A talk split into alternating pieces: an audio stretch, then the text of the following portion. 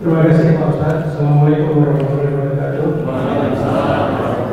Sayang sekali saya 25 tahun di Rio tidak pernah ketemu Bapak. Eh, sebetulnya banyak sekali yang ada dalam pertanyaan saya, tapi satu aja saya sampaikan bahwa dari ceramah Pak Ustaz bahwa takut dan cemas itu adalah anugerah Allah pada manusia. Pasti semua orang yang hidup di ini punya rasa cemas dan takut. Dan kita juga tetap percaya pada Allah. Tapi mengapa perasaan tersebut tetap muncul? Bagaimana supaya seperti yang disampaikan Pak Ustaz tadi hal tersebut bisa kita manage dengan baik? Jadi kalau cemas dan takut tadi sebagai rem dan gas dalam menempuh kehidupan tersebut. Mohon penjelasannya Pak. Terima kasih. Assalamualaikum warahmatullahi wabarakatuh. Waalaikumsalam warahmatullahi wabarakatuh. Allah menembakkan rasa takut ke dalam hati manusia. Disebutkan dalam Quran, wa wa qadhafa fi qulubihimur ru'ba.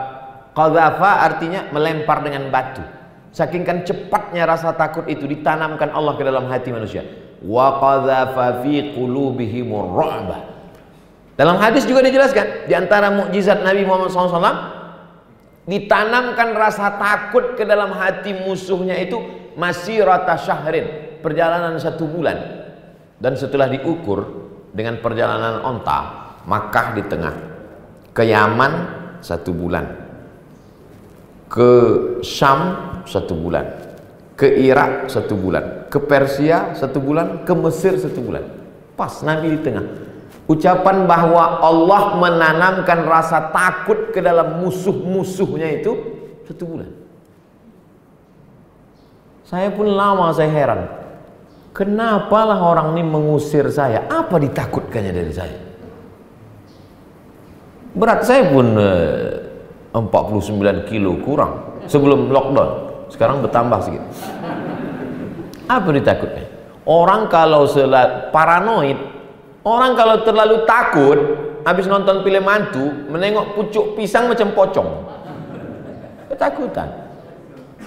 Sampai saya ke sampai saya ke airport Swiss pas mau cop paspor yang lain lewat. Pas saya masuk dalam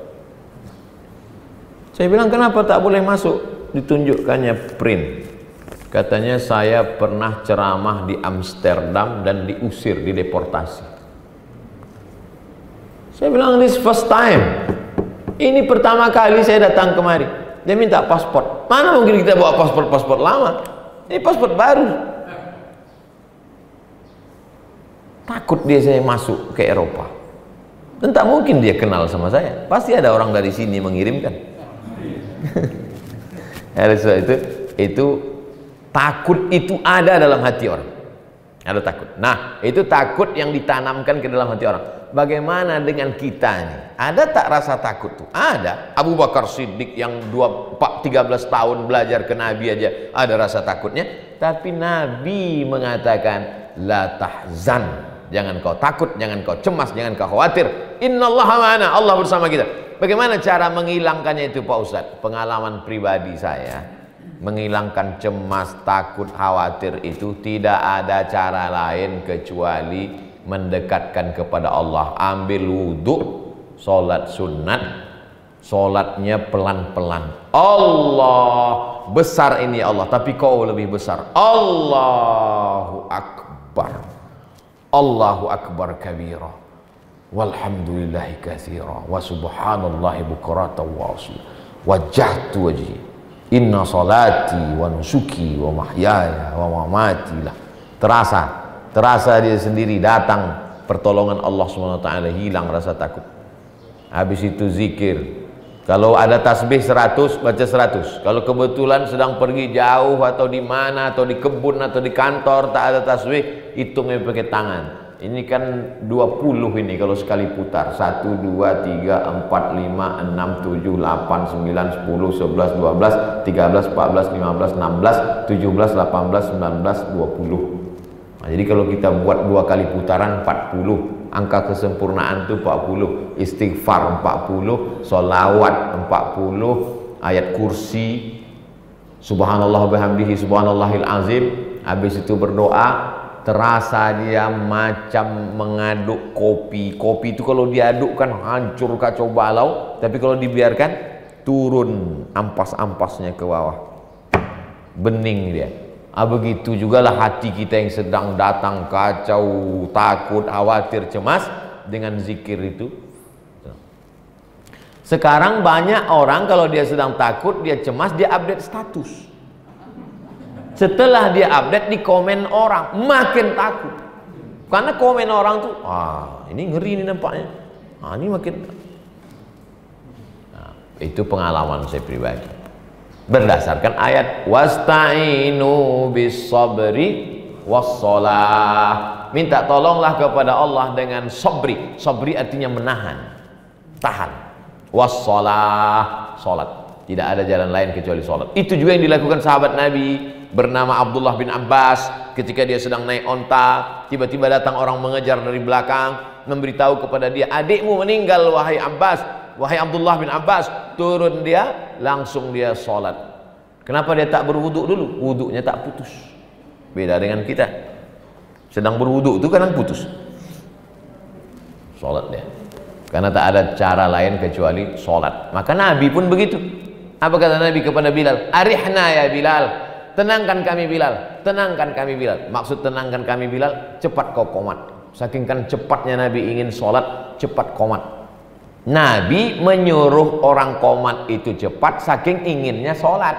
Orang sekarang menyuruh imam itu cepat biar cepat selesai. Begitu Pak Haji. Allah alam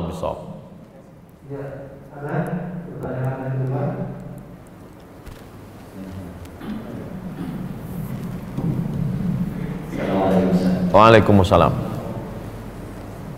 Ada satu pertanyaan yang mungkin untuk menguatkan kita bersama tentang ketika kita sholat Rasulullah pernah melarang tidak boleh menutup mulut. Uh, ini apakah memang larangan itu hukumnya wajib harus ditinggalkan atau sekedar makruh? Assalamualaikum Waalaikumsalam warahmatullahi wabarakatuh. Saya anjurkan untuk fikih, fikih untuk orang paling pemula, judulnya Fikih Islam Sulaiman Rashid. Sulaiman Rashid orang Lampung dapat ijazah dari Al Azhar tahun 1935. 10 tahun sebelum Indonesia merdeka. Bukunya 44 ribu. Kalau harga naik saya tak tanggung jawab fikih. Kata pengantarnya Buya Hamka. Ketika ditunjukkan ke Buya Hamka di Yogyakarta, dibaca-baca Buya Hamka, dilihatnya, apa kata dia? Sulaiman Rashid, andai aku menulis buku fikih, belum tentu bahasanya sebaik ini. Puji Buya Hamka. Mazhabnya Syafi'i. Karena dia di Al-Azhar fikih mazhab Syafi'i. Simple supaya kita tahu rukun, syarat, wajib, sunat. Karena kan bagi kita yang awam ini bercampur aduk di situ semua. Tak bisa kita bedakan mana rukun, mana syarat, mana wajib, mana sunat. Tak bisa kita bedakan antara afdol tak afdol atau sah tak sah. Termasuk tentang masalah soft ini. Soft rapat itu apakah rukun atau syarat atau wajib atau sunat? Bukan rukun, bukan syarat, bukan wajib apalagi ketika terjadi ditambah pandemi begitu juga dengan menempelkan hidung ke lantai. Menempelkan hidung ke lantai itu bukan rukun, bukan syarat, bukan wajib. Sunnah. Orang uh, Nabi dengan sahabat memang mudah. Sikit aja dia udah kena. Kita. Jadi kalau bapak sholat pakai masker tertutup hidungnya maka tetap sah. Begitu juga dengan sebagian mulut dia bukan termasuk mubutilat yang membatalkan. Beda dengan batal wudhu batal wudhu tak ada. Tawar menawar. Asal sudah batal wudhu batallah dia. Atau maaf perempuan tiba-tiba keluar maaf beri maaf tiba-tiba datang darah haidnya. Itu tidak bisa berdalih. Ah, ini kan darurat. Tak ada darurat. Walaupun dua menit menjelang habis waktu. Nah, ini tentang uh, ini tentang masalah uh, supaya kita bisa membedakan balik kepada hukum menutup wajah apalagi pada ditambah lagi darurat maka tidak membatalkan sholat tidak menyebabkan sholat itu menjadi tidak sah Ini karena banyak jamaah tentang menutup ini atau kemudian hidungnya tidak menyentuh bahkan ketika kening sekalipun. Sini. Ada kan orang yang pakai peci model begini. Assalamualaikum. Sahabat Nabi sholat di atas pasir. Sholat di atas pasir. Waktu sujud, ujung jubahnya itu ditariknya ke tempat ujung karena panas panas pasir nih kalau tempel ke dia sujud dia waktu dia sujud itu ujung jubah itu gini kan ya sujud itulah dalil boleh sujud kain yang menyambung dengan tubuh.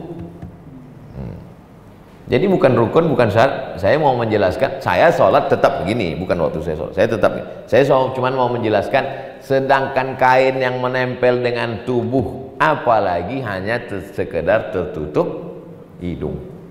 Tapi itu bukan ijtihad saya. Saya belum pernah berijtihad menurut saya. Menurut para ulama. Referensi yang selalu saya jadikan rujukan fatwa al-azhar. Fakta fatwa al-azhar. Juga darul ifta al-misriyah darul ifta rumah fatwa Mesir itu yang selalu saya jadikan rujukan mazhab syafi'i wallahu alam bisawab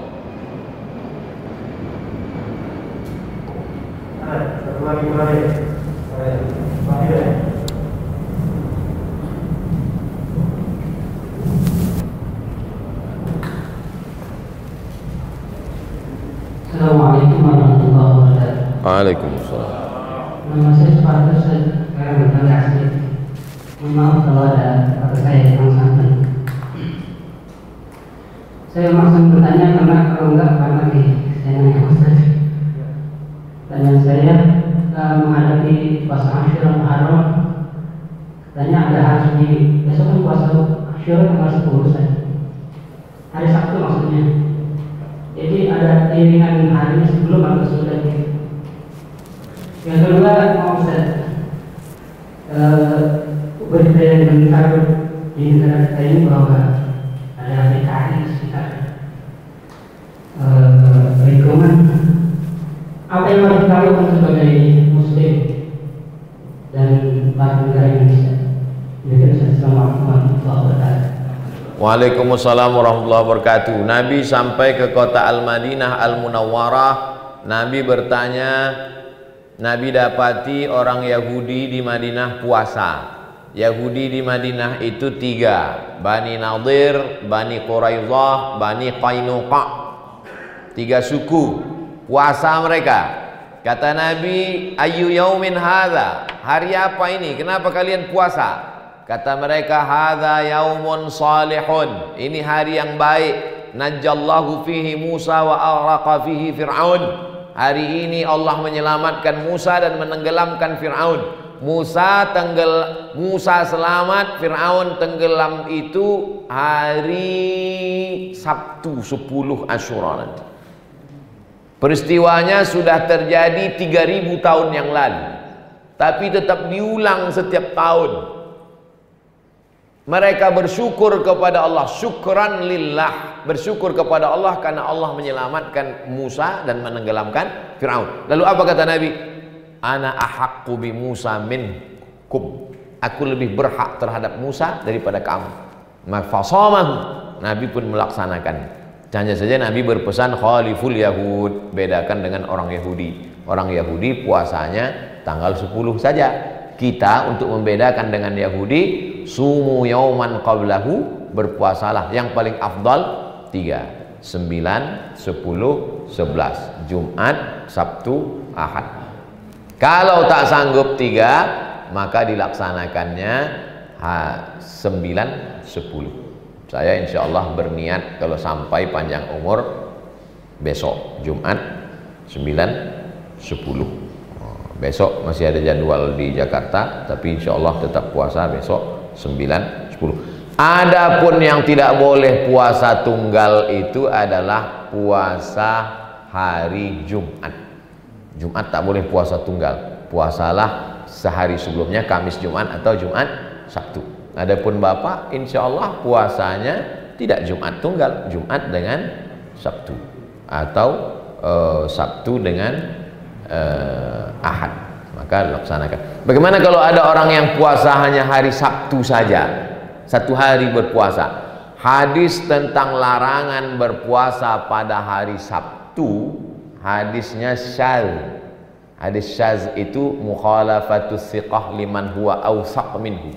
Bertentangan periwayat yang siqah dengan yang lebih siqah. Oleh sebab itu hukum asal berpuasa hari Sabtu tunggal hukumnya boleh. Yang tak boleh Jumat saja. Karena Jumat itu adalah hari Id. Hari Id kita. Hari Id itu asalnya tak boleh berpuasa. Tapi karena Idul Fitri Idul Adha. Tapi karena hari itu ditambah dengan berikutnya untuk membatalkan bahwa kita Adapun yang melarang Sabtu itu karena dianggap memuliakan hari Sabat. Orang Yahudi disuruh pilih pilihlah antara tujuh hari ini kalian mau beribadah hari apa? Wa yauma la la ta'tihim. Kami pilih hari Sabtu. Pas pada hari Sabtu itulah ikan sebanyak-banyaknya. Pas pada hari yang lain ikan tak ada. Mereka langgar. Kita dikhawatirkan menyamai menyerupai kalau memuliakan hari Sabtu. Tapi kita memuli puasa hari Sabtu bukan karena memuliakan hari Sabtu seperti memuliakan orang Yahudi memuliakan hari Sabat. Hmm, jadi begitu hukum asal. Nah kita baiknya besok puasa Jumat dan hari Sabtu. Tentang masalah menghadapi komunis sekuler liberal syiah kelompok-kelompok yang menyimpang di luar ahlu sunnah wal jamaah apa yang bisa kita lakukan? Untuk anak-anak kita masukkan TK tahfiz SD tahfiz SMP SMA boarding school. Kalau tak sanggup boarding school full day masuk pagi pulang sore paling tidak lihat nanti jadwal kurikulum kalau ada yang nawarkan sekolah coba lihat apa pelajarannya. Lima mesti ada akidah akhlak, Quran hadis, fikih, bahasa Arab, sejarah. Mesti ada yang lima. Kalau tak ada, jangan. Masukkan anak Anda masuk perguruan tinggi tanpa tes. Untuk apa dia jadi sarjana hebat kalau kafir? Tak ada gunanya dia berhasil. Kita minta Rabbi habli minas salihin. Salihin itu Quran hadis, akidah akhlak, bahasa Arab, sejarah Islam, fikih. Itu untuk anak-anaknya. Adapun untuk mak-mak bapak ibu jamaah jangan tinggalkan kajian masjid. Kajian mulailah fokus. Kajian hadis dengan Ustadz Faisal karena beliau belajar hadis di Karachi. Di sana banyak ahlul hadis di ada kajian ahli hadis, ada kajian ahli hadas. Hadas itu pikih. Suci mensucikan, darah haid, darah nipas, darah bisul, darah nyamuk. Nah, ini kaji pikih ini penting, pikih solat. Nah, pikih kitab apa yang dikaji. Senin malam Selasa akidah, Selasa malam Rabu fikih, Rabu malam Kamis hadis, Kamis malam Jumat sirah, Jumat malam Sabtu tafsir surat Al-Kahfi, tafsir surat Yasin. Kalau sudah hatam nanti tafsir juz amma. Sabtu malam Ahad tablik akbar, tahsin tajwid. Jangan pula hebat fikih tapi baca Quran ijazah.